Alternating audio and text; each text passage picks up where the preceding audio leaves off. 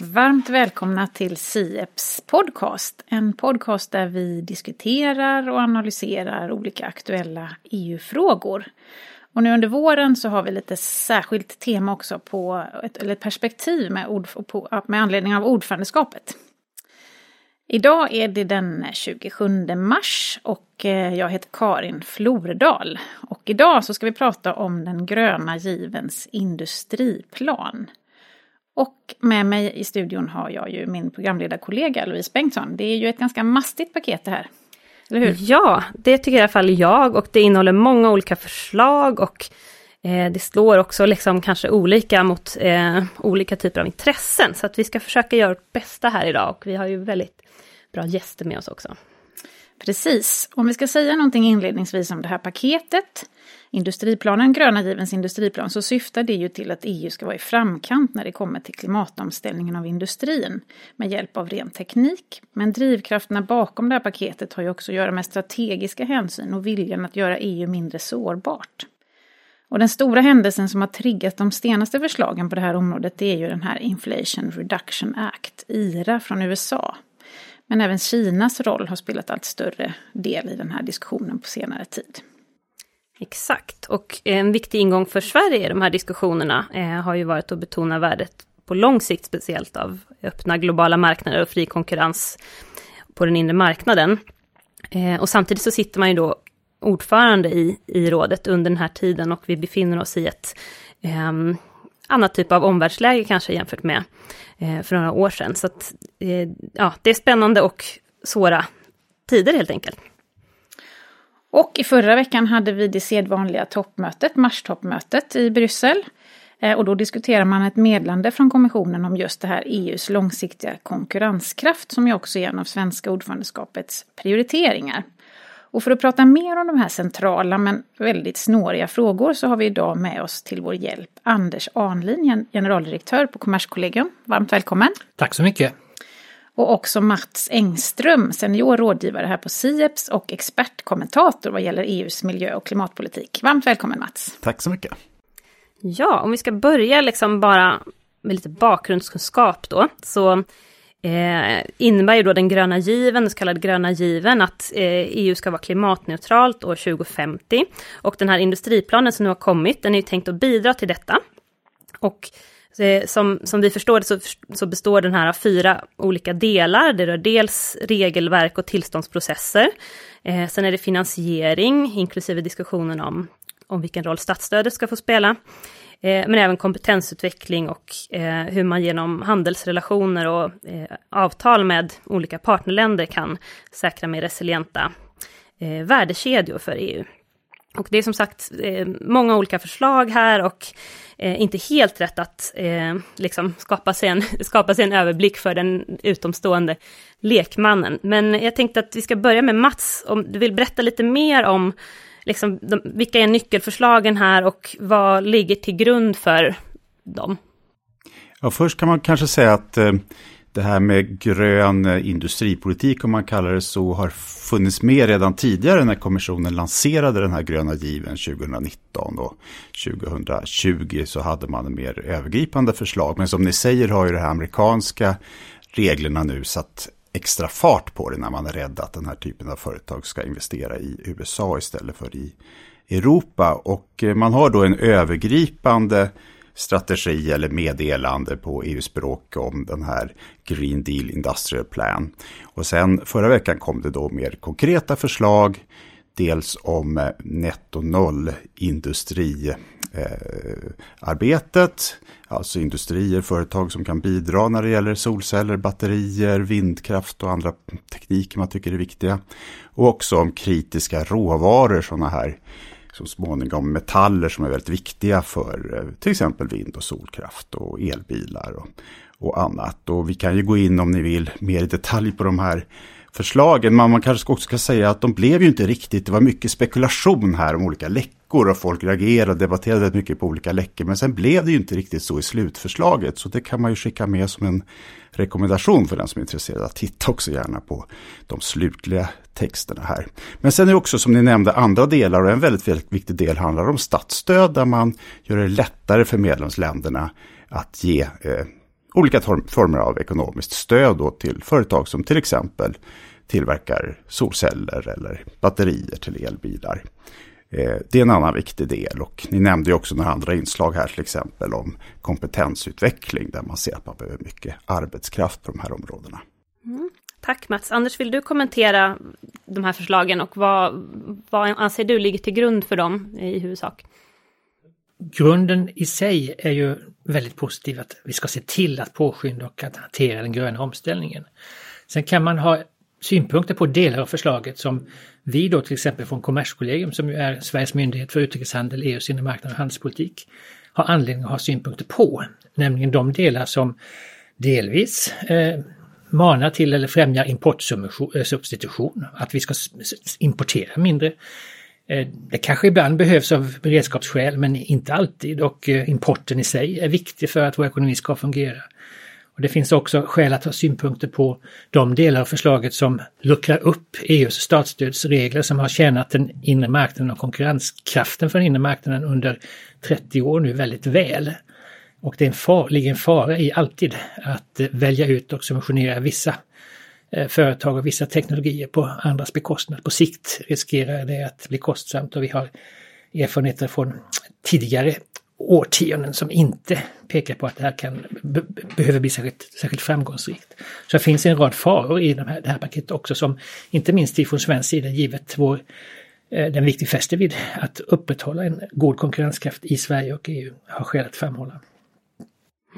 Det, och det stämmer ju som du säger att det finns ju konkreta mål i eh, de här förslagen om hur mycket av eh, den här netto nollindustrin som ska eh, ligga i, inom EUs gränser så att säga och även för, för de här eh, kritiska råvarorna, hur mycket som ska både utvinnas och processas och eh, sen då också återvinnas inom, inom EU. Så det är... Om man får spetsa till det så finns mm. det ju ett visst inslag av planekonomi i detta som känns ganska främmande. Det kan man kalla det för. Eh, men eh, om vi ska eh, titta lite på vad USA då har gjort på det här området genom att man antog IRA. Vad kan man säga om, om det, Anders? Kan man jämföra de här två initiativen på något sätt? Alltså återigen, för det första är det ju väldigt positivt att USA är tillbaks på, i klimatarbetet och tillbaks med ett massivt paket för att också i USA skapar den gröna omställningen och bidrar till den. Väldigt positivt. Sen återigen är det då tveksamt, för att inte säga mycket negativt, sätt på vilket man har valt att göra detta på. Och då är det ju främst i IRA två delar som står ut och som skapar problem. Och det ena är att man subventionerar kraftigt eh, de elektriska fordonen, men bara de fordon som är tillverkade i USA. Och för det andra så ger man försteg till batterier som är producerade med varor som enbart får finnas i USA eller med USA allierade frihandelsländer. Och det där strider flagrant mot WTOs regelverk och eh, riskerar att inverka negativt eh, för EU, vilket en del indikationer i pressen har visat att det kan göra. Och det har ju då fått EU att reagera med den här paketet som vi talade om alldeles nyss. Och man kanske skulle önskat sig att EU kunde ha en egen eh, drive framåt istället för att enbart behöva reagera på vad USA gör i det här avseendet. Ja, Mats, eh, vill du sticka in här med någonting, någon synpunkt kring de här frågorna? Ja, dels, jag håller med Anders mycket om den här till exempel kritiken av, av uh, eh, IRA i USA. Men jag skulle kanske också vilja säga att, att EU har ju fördelar på andra plan också. Alltså EU har regelverk och den inre marknaden såklart som bas som, som är viktiga också när man utvecklar eh, teknik för klimatomställningen. Och man har eh, eh, ja, en rad andra till exempel när det gäller det som brukar kallas cirkulär ekonomi, återvinning som inte ligger i de här paketen nu egentligen särskilt mycket. Är man väldigt stark när det gäller patent och företag och så också kraftöverföring där vi har Ludvika i Sverige. Så att det här man har ju riktat in det här väldigt mycket och pengarna kommer nu att gå väldigt mycket till just de saker som USA subventionerar. Men man ska kanske komma ihåg det bredare perspektivet om man pratar om någon sorts grön industripolitik. Att det är mer än detta områden där EU är, är bra och kan behöva stärka sig ännu mer. För att man får ju lätt fokus på, på just de här batterifabrikerna som säger att de kanske ska investera i USA istället. Men sen kanske vi kommer till det, jag, jag tror att det finns ju en rätt god vetenskaplig grund för att säga att vissa typer av grön teknik behöver stöd för att utvecklas. Det finns marknadsmisslyckanden som gör att det kanske är annorlunda på det här området än när man hade subventioner till varvsindustrin till exempel. Mm. Men då måste de ju vara väl utformade och få så lite negativa effekter på konkurrens och annat som, som möjligt. Och mm. där kan man ju vara kritisk mot delar av det här. Mm. Och man nu, nu har vi pratat eh, om EU och USA, men man, rösterna höjs ju också kring Kinas roll i det här. Vad, vad, vad har ni att säga om det, Anders? Ja, det är en väldigt avgörande fråga i det globala handelssystemet för närvarande, hur man ska förhålla sig till Kina som aktör på denna marknad. Och vi märker att USA i väldigt, väldigt hög grad av säkerhetspolitiska skäl vill skärma av sig från Kina eller skärma bort Kina från resten av världen. Och eh, här ska man naturligtvis inte vara naiv och man ska se till att eh, konkreta säkerhetsintressen kan tillvaratas, vilket eh, vi gör i Sverige och EU. Men det ligger en fara i att gå för långt och jag tror att det är en av de stora ödesfrågorna för närvarande i den globala ekonomin. Hur, var man ska dra linjen mellan legitim och icke-legitim handel i relation till Kina. Mm. Och Kina har ju som vi vet investerat massivt i eh, den här typen av teknik och vi ser ju också att en stor del av importen av just de här kritiska råvarorna kommer från Kina. För vissa jordartsmetaller så kan det vara så mycket som 97 procent som kommer från, från Kina. Samtidigt gör det här att det också blir billigare på vissa sätt för vissa aktörer inom inom EU. Så att jag tänkte att vi ska gå vidare och prata lite om vilka olika eh, målkonflikter eller typer av påverkan som de här förslagen kan, kan leda till. Och Mats, eh, du var ju inne på det här, vad, vad, säger egentligen forskningen av vad som behövs för att underlätta för grön eh, teknik och den, och den gröna omställningen? Och vi har ju företag i, i Sverige som absolut är liksom aktuella på, på det här området också. Ja, det finns ju som sagt rätt mycket belägg för att eh, ska man få genomslag för ny grön teknik som är dyrare till en början så behövs både innovationsstöd, stöd till demonstrationsanläggningar och kanske vissa typer av ekonomiska stödsystem som man har haft för vindkraft och solkraft till exempel. Och något som är väldigt aktuellt nu som också kom för övrigt förra veckan, ett precisering av kommissionen, det är att man ska ge stöd till produktion av grön vätgas som ju är väldigt aktuellt i, i norra Sverige till exempel och i andra delar av Europa också. Så som sagt, eh, som del av en, en, vad man brukar säga, policymix, med väldigt många olika åtgärder på olika nivåer så kan man behöva ett stöd eftersom, bland annat eftersom man inte tar ut en sån koldioxidskatt som behövs för att allt ska vara lönsamt alla gånger. Men också för att just när det gäller innovation så, så kan man behöva i början när det finns en ny teknik eh, stödja den. Så att eh, det skulle jag nog säga bland de som sysslar just med det som kallas då sån här transition research kring klimatet och IPCC nu som kommer i sin rapport skulle jag säga att det är rätt väletablerad kunskap så att säga. Mm.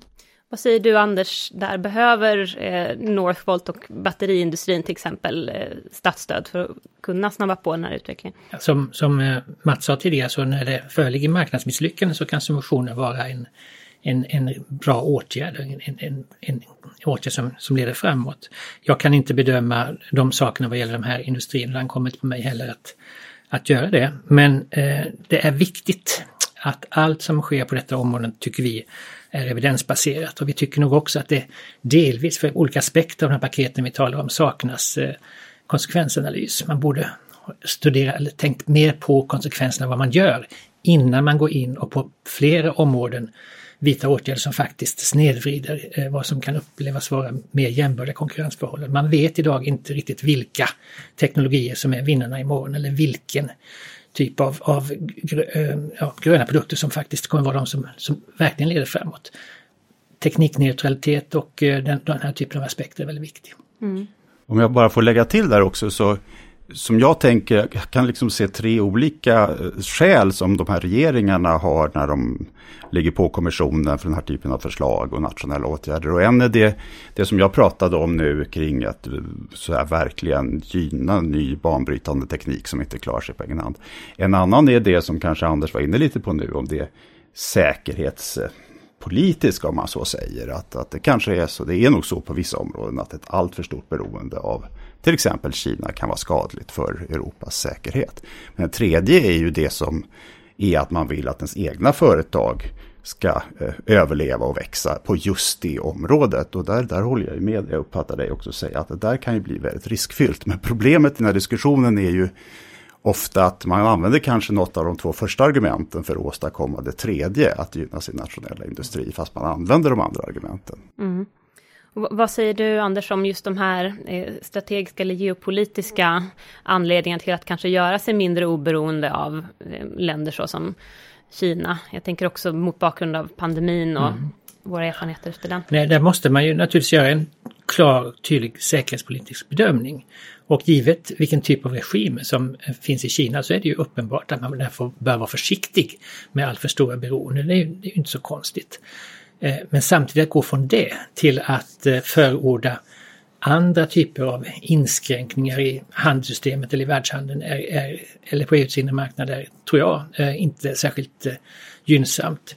För pandemin visade tydligt att det var de globala leveranskedjorna som faktiskt räddade oss. Det var tack vare dem vi fick skyddsutrustning, det var tack vare dem det var möjligt att producera och distribuera vaccin.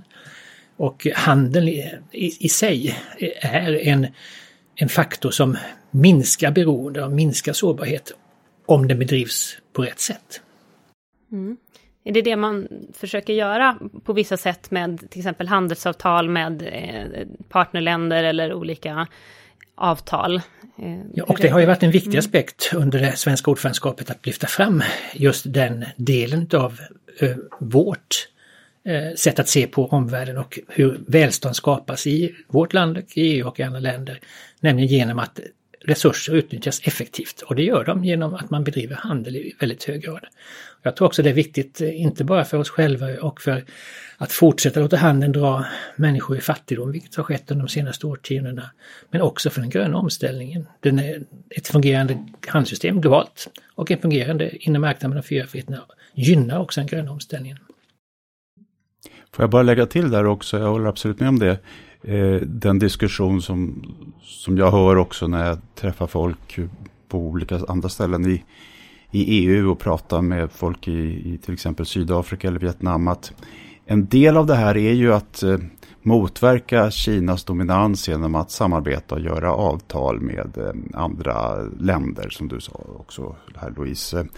Men det finns ju också en misstro mot EUs eh, ambitioner till exempel i Afrika. Och, och, ett skäl till att Kina har kunnat bygga ut ett inflytande i Afrika till exempel, delar av Latinamerika, är att de har ju haft en sorts resonansbotten för, för det de har sagt. Sen är det ju många som säger att de kinesiska investeringarna i Afrika har kanske inte varit så bra för de här länderna. Men men det finns ju någonting här tror jag för EU ändå att lära i relationen till, till länder i den globala södern. Att, att, eh, att vara mera lyhörd, att se att de, de vill ju också ha en egen utveckling av då till exempel grön industri som vi pratar om här. Och där finns det en risk att både USAs och EUs subventioner slår mot, om man tar Sydafrikas ambitioner att tillverka elbilar eller många andra av de här länderna som vill kanske då förädla sina mineraler till en högvärdig produkt. Och där gör ju Kommerskollegium många bra saker,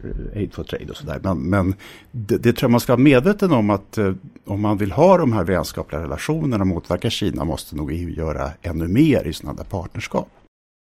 Det är ett väldigt bra påpekande och eh, det är ju ytterligare ett argument för varför man ska vara försiktig med en del av de här subventionerna. Och eh, det är uppenbart att EU allt för länge har varit alltför försiktigt och alltför inåtriktad i sin handelspolitik och inte motsvarat förväntningarna eh, i en rad länder, eh, utvecklingsländer. Nu finns nya möjligheter.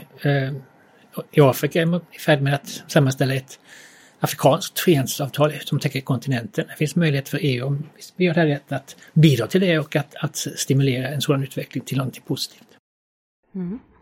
Men om vi går in på det här med just diskussionen om, om statsstöd, eh, så såg vi ju eh, till exempel att det här berördes på toppmötet, men det verkar inte ha varit några stora eh, slutsatser. Vad, vad, kan man säga om, om eh, olika länders intressen här? Hur skulle det slå mot olika medlemsstater och deras industribas och eh, ja, vilka positioner finns helt enkelt?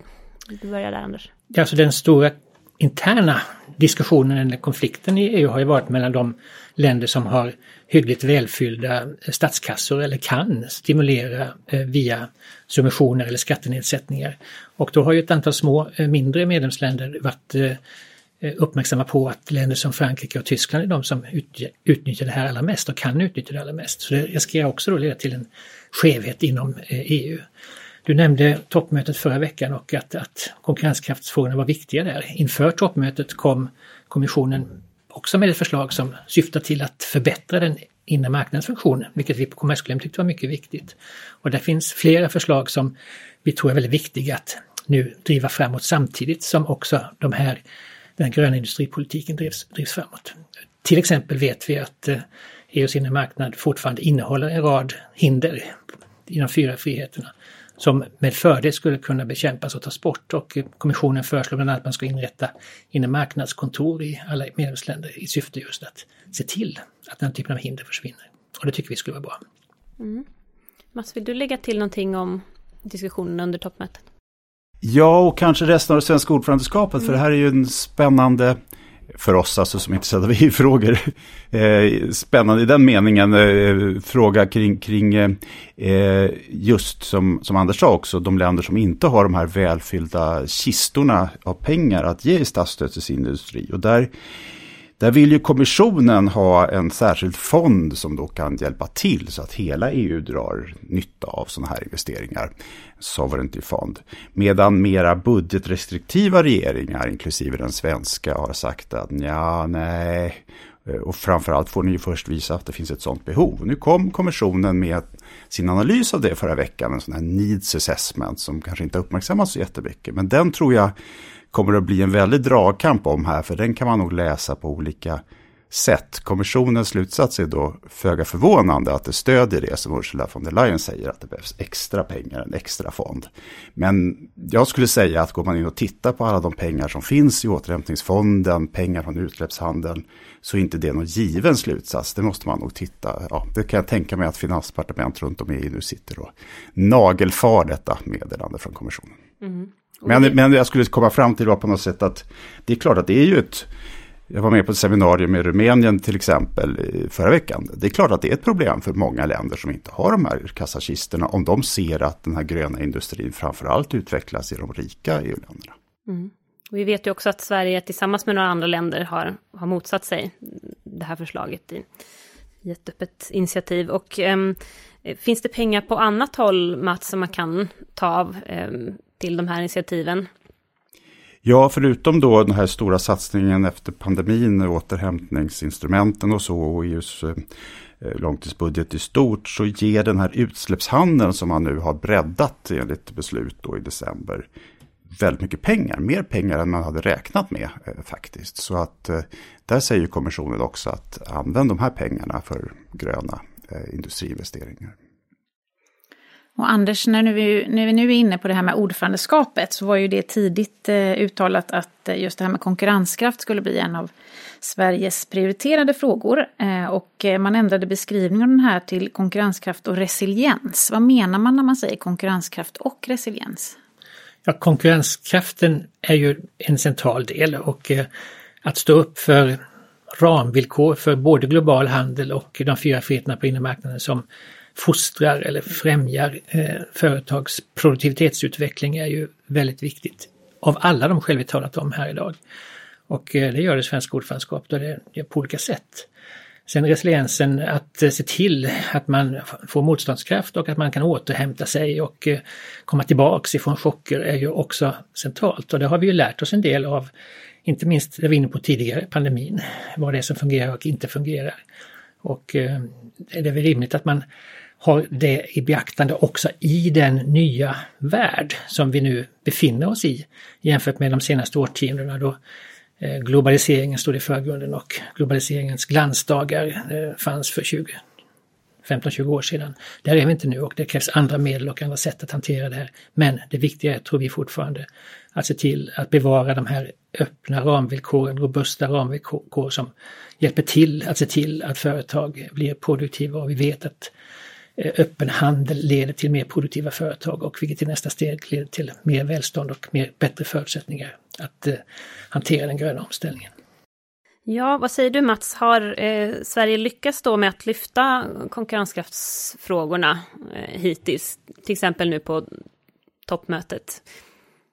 Ja, det tycker jag absolut. Jag såg någon som var lite kritisk till det där på sociala medier över att det inte stod så många rader. Men jag skulle säga att ser man historiskt hur man har gjort initiativ i EU så, så har man ju lyckats få kommissionen att lägga fram ett meddelande. Man har fått eh, det riktigt ordentligt omnämnt i de här slutsatserna och jag utgår från att man jobbar vidare nu till konkurrenskraftsrådsmöte senare och toppmötet i, i juni. Så att från, från regeringens så säga, perspektiv, vad de prioriterar, så eh, har de ju lyckats rätt bra så här långt skulle jag säga. Och där är det också viktigt som du var inne på tidigare Mats, det är ju inte bara det jag pratar mycket om, handeln och de fyra friheterna som är viktiga, utan det är också de nationella basen som vi har med utbildning och eh, förutsättningarna för forskning och utveckling och innovationsutveckling som är viktiga. Och det finns ju också viktiga sådana eh, delar av de här komponenterna som vi talat om. Och en intressant sak som, som eh, säkert eh, Anders har ju haft flera olika tidigare uppdrag också som har haft väldigt mycket med, med eh, EU att göra och så. Det är ju Eh, och jag var själv med en gång i tiden på det här toppmötet i Lissabon som tog den här Lissabonstrategin för år 2000 och så. Det är att nu föreslår man indikatorer som ska liksom styra vad länderna ska göra för att öka konkurrenskraften. Eh, kommissionen i sitt eh, meddelande om just långsiktig konkurrenskraft. Och sånt där vrider och vänder man alltid på. Liksom, vad ska det vara för indikatorer och vilka funkar och funkar inte. Den här Lissabonstrategin tycker väl många att den nådde inte sina mål och så. Men, men det tror jag också är en väldigt intressant sak att följa nu. De här indikatorerna kommissionen har föreslagit, de är rätt breda. De handlar om många olika saker, både traditionella saker som eh, FoU och tillgång till kapital och, och naturligtvis inre marknadens liksom, funktion och sånt. Men också utbildning, eh, jämställdhet, miljö och sånt. Så det kan finnas länder som vill snäva in det och ja, det blir väldigt spännande att följa också. Och du var inne lite på det här Mats med eh, att Sverige är ordförande nu och att de här frågorna kommer hanteras vidare under våren. Men vad, vad kan man göra nu som ordförandeland? Vilken roll har Sverige under våren? I de här frågorna? Ja, i till exempel konkurrenskraftsrådet har man ju en väldigt viktig roll och i andra råd som kan tänka syssla med de här frågorna. Och det ska vi egentligen fråga Anders som verkligen har suttit där.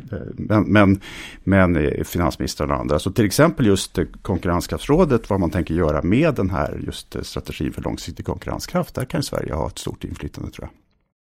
Mm, vad säger du Anders? Nej, jag håller med och eh, jag tror också det faktum att konkurrenskraften har fått den här eh, platsen på dagordningen i EU, inklusive Europeiska rådet förra eh, veckan, är i hög grad en svensk ordförandeskapsförtjänst. Sen finns det ju andra sätt på vilket man kan påverka också vid sidan om de formella mötena och med eh, att hålla konferens och möten av olika slag. Och där vill jag gärna nämna att vi på Kommerskollegium kommer hålla den efter maj en konferens som syftar till att försöka göra handelspolitiken evidensbaserad igen. Där vi kommer att låta Eh, ekonomiska forskare tala om den nya eh, handelsteoretiska utvecklingen och hur den ser på varför just det är viktigt med öppenhet för att få till stånd produktiva företag. Mm. Och en annan eh, prioritering för Sverige är ju också grön omställning. Eh, eller hur Mats? Och eh, jag tänker att vi kan slänga in den frågan här lite på slutet. Vad kommer vara viktigt tror du för, för Sverige som ordförandeland att eh, kunna säga att man har uppnått eh, när ordförandeskapet är slut och eh, hur tycker du det har gått hittills? Ja, hittills tycker jag att man har gjort ett professionellt ordförandeskap eh, på det som ligger inom miljörådets eh, område. Man har ju lyckats med flera viktiga uppgörelser med parlamentet när det gäller triloger och i den här fejden som det nu har skrivits mycket om mellan Tyskland och andra kring, kring eh, förbud mot förbränningsmotorer så är jag inte säker faktiskt på om ordförandeskapet hade kunnat göra så mycket mera än man gjorde. Det får väl forskningen i framtiden utvisa. Den verkar ju nu ha löst eh, den frågan förhoppningsvis får man väl säga. Men, men sen återstår det ju till juni. Många tittar på vad Sverige tänker göra på områden som berör skog. Där finns det ju en sen redan en kritik. Jag tycker man ska vänta och se. Mitt intryck är att eh, tjänstepersoner i Regeringskansliet och i Bryssel har fått i uppdrag att göra ett eh, så här, opartiskt ordförandeskap. Men det får man ju se när man kommer där till juni hur, hur det har gått med det. Det är ju en svår fråga i sig också så att man ska nog inte ja, det är inte helt lätt att klara av den även om man är ett objektivt ordförandeskap. Så att säga. Men sen så beror det ju på också hur man ser på konkurrenskraft. Det finns ju de som menar att miljöregler försämrar konkurrenskraft och eh, drar man åt det hållet så kommer man väl få kritik från miljöhåll för att man har en för negativ syn på, på regelverk kring miljöfrågor. Så att säga. Mm. Det är ju någonting man kan reflektera över också vad gäller den gröna givens industriplan, att målet eh, med den, det handlar ju om netto noll och liksom klimatutsläppen och hur vi ska lyckas med klimatutmaningen. Men vissa av förslagen i industriplanen innebär ju till exempel snabbare tillståndsprocesser, eh, ja, den typen av eh, nya eh, begränsningar för i vilken mån lokala aktörer till exempel kan sätta stopp för stora gröna projekt. Så att kan, kan man se en intressekonflikt där mellan eh, till exempel biologisk mångfald och lokala intressen och klimatpolitik som får stå över allt annat? Det finns ju väldigt konkreta förslag just i den här eh, netto nollutsläppsindustriförslaget. Jag snubblar nästan på orden här. Men, men som just är att man ska kunna eh, göra sådana projekt till övergripande samhällsintressen där man har ett svagare naturskydd. Inte ett helt borttaget naturskydd. Så det finns det ju objektivt en sån motsättning. Och sen beror det ju på hur det här eh, genomförs då förstås också. Och jag vet att eh, det finns ett annat viktigt direktiv som apropå ordförandeskapet Sverige lyckades komma fram till en överenskommelse om som heter industriutsläppsdirektivet. Och eh, det handlar då om just eh, utsläpp från olika industrier och sånt. Det var en av kommissionens argument att just för att man nu lättar på det här med tillståndsprövningarna måste man också ha andra regler som ser till att det inte blir för smutsigt eller förstörande för naturmiljö och så. Är det någonting som vi har glömt i de här frågorna? Som ni vill ta upp? Nej, inte annat än tycker jag att, att det gäller fortsatt i tider som de som vi nu går igenom. Att eh, noga fundera på vad det är som bygger välstånd, vad det är som bygger möjligheter att bedriva en grön politik. Och man kommer tillbaks till de här ramvillkoren på EUs inre marknad och globalt som faktiskt eh, underlättar för företag att eh, bli produktiva, att, att eh, innova, vara innovativa och att, att se till att bidra. Och eh, det är så lätt i, i någon vurm för att tro att man kan hitta eh, vägar ut ur problem, att man tar i för mycket och man går för långt i, i regleringar. Samtidigt som också, som Mats var inne på, självklart måste miljöregleringar och klimatregleringar göras på ett handfast sätt, men på ett sätt som drabbar alla lika idealt sett. Där finns också utmaningar i handelspolitiken globalt som vi har framför oss. Har du någon kom sista kommentar Mats? Nej, möjligtvis att eh, det finns ju en uppenbar växande global marknad för den här typen av industrier och, och, och teknik. Så att eh, det är ju rätt intressant om man tittar tillbaka i tiden att eh, sol och vind och annat har blivit så kommersiellt intressanta tekniker. Och sen någonting vi inte har pratat om det, det, är ju vad som händer efter nästa presidentval i USA också. Vi vet ju inte heller riktigt hur långvarig den här IRA blir, får man väl säga. Men det är kanske ämne för ett annat samtal vid en senare tidpunkt. Ja, det är lite som vi, vi, vi, jag tror att vi nästan har sagt det vid alla våra avsnitt nu, att det här är ju frågor som vi får fortsätta följa helt enkelt. För det är mycket som händer och det är mycket som kommer fortsätta hända. Så vi får återkomma. Så är det. Så är det. Varmt tack till dig Mats Engström och till dig Anders Anlid för att ni var med i Siebs podcast idag. Tack, tack. Tack så mycket. Ja, det blev ju en eh, väldigt eh, intressant, intressant diskussion även idag, Louise. Dagens ämne var ju som vi inledde med snårigt och jag tycker fortfarande att det är ganska snårigt men det har blivit lite tydligare vilka de olika perspektiven är på den här frågan. Ja, och våra gäster hjälpte oss eh, tycker jag ändå och liksom få fram vilka olika eh, ja, men kanske drivkrafter som finns bakom de här förslagen och vilka positioner som finns. Och vi hade ju en lite spetsig titel på det här avsnittet. Eh, EUs nya industriplan, grön omställning eller protektionism. Och vi ställde ju inte den frågan rakt ut kanske till, till Mats Anders, men eh, det är tydligt ändå att det finns både aspekter som rör eh, klimatomställningen och att snabba på här för att kunna uppnå de mål som EU har satt. Men också eh, såklart eh, strategiska hänsyn som säkert även eh, Sverige kan ställa sig till bakom då, mm. Eh, vad gäller vissa sektorer och, och råvaror. Men ja, såklart också kanske andra intressen som, som drivs av vissa, där, där de här två första hänseendena används som förevändningar kanske för att skydda en industribas och eh, ja, helt enkelt gynna eh, europeisk produktion. Så att eh, ja, det, det, är inte helt eh, okomplicerat, men Nej. det var spännande i alla fall att få djupdyka i det här. Precis, och verkligen inte okomplicerat och det hela görs väl kanske lite, ännu mer lite komplicerat av att Anders, eh, nej Mats var det som nämnde här på slutet att vi har ju ett presidentval att vänta i USA. Eh, och det kommer ju påverka vem den nya presidenten blir. Eh, hur länge kommer IRA att gälla? Men vi har ju också val här i EU. Det är ju valår 2024 så att vi har ju nästa höst en ny eh, kommission på ingång och också ett helt nytt Europaparlament. Och då kan ju konstellationerna eh, i de olika partigrupperna ändra sig.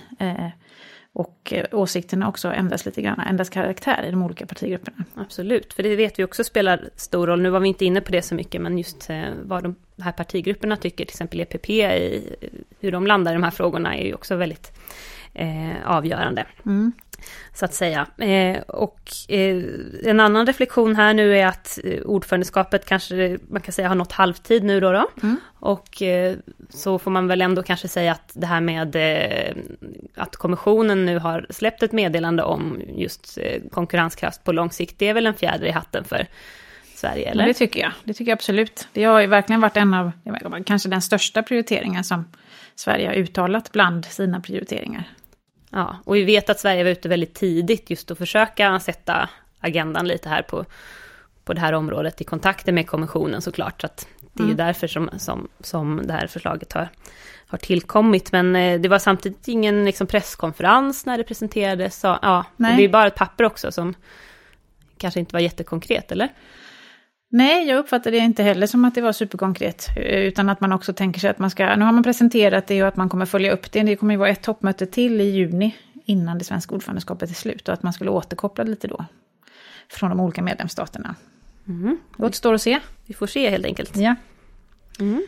Men eh, om vi bara ska avsluta ämnet för dagen. Eh, det kan ju hända att man eh, vill fortsätta att fördjupa sig kring de här frågorna. Och då finns det ju Dels så släppte vi en publikation i fredags från Sieps som heter Grön industripolitik. Hur ska EU svara USA och Kina? Som Harry Flam har skrivit och den kan man ladda ner på hemsidan. Och vi har ju också ett seminarium nu senare i veckan, eller hur?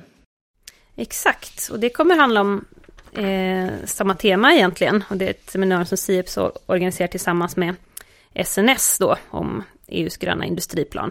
Och vi har hört att det här är fullbokat på plats, men det går att följa online också. Så mm. Eh, det kan nog bli spännande om man är intresserad av de här frågorna. Mm. Och vi kan också passa på att tipsa om att eh, prenumerera på vårt nyhetsbrev så missar man inga sådana här typer av nyheter. Och då går man bara in på www.sieps.se. Vill man gå in och liksom söka sig vidare så finns det temasidor både på industripolitik och grön omställning. Och där finns allt vårt material samlat under de här temarubrikerna. Det var det om det. Ja. Ja, vad har hänt mer?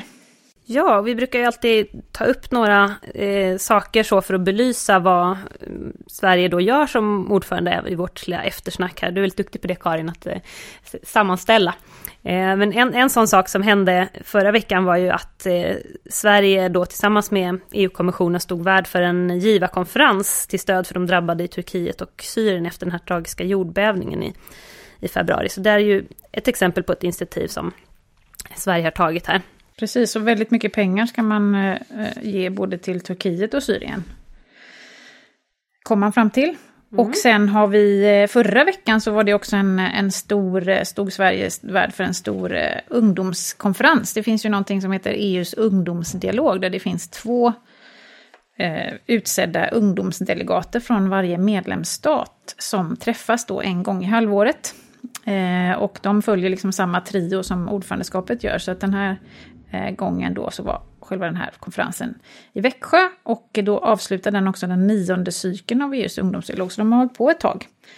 Eh, och det är liksom en dialogmekanism mellan ungdomar och ungdomsorganisationer och beslutsfattare, men också experter och forskare. Så att man ger helt enkelt input till rådet som har ansvar för ungdomsfrågor. Och för Sverige så har vi eh, då nominerade via LSU. Och det är Isak Örlund och Emma Wedner. Och de är faktiskt också med och vi modererar Europadagen på Kulturhuset tillsammans 9 maj. Så där kan man få höra mer om ungdomsfrågor. Kul. Mm. Ja, det kanske får bli allt för idag. Ja. På återhörande helt enkelt. På återhörande och tack för idag.